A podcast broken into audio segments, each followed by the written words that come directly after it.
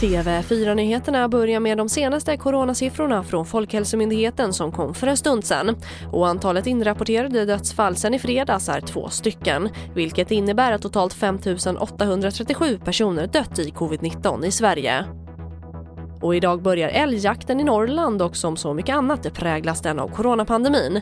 Många jägare tillhör åldersgruppen 70-plussare och det är viktigt att hålla distansen vid samlingar och slakt, säger Jimmy Nyman på Jägarförbundet jakten i sig, själva jaktmomentet, om man sitter på en stubbe ute i skogen eh, på pass, där är ju faran väldigt liten. Utan det är ju innan jakten och efter jakten. Och flera kaféer i Sverige och ute i Europa väljer nu att bryta samarbetet med skånska havredrycksproducenten Oatly. Det är efter att Oatly låtit en kritiserad riskkapitaljätte Blackstone Group investera i bolaget. Blackstone är känd för bland annat att exploatera fastigheter för att stötta Donald Trump i USA-valet. Och det får avsluta TV4-nyheterna. Jag heter Charlotte Hemgren.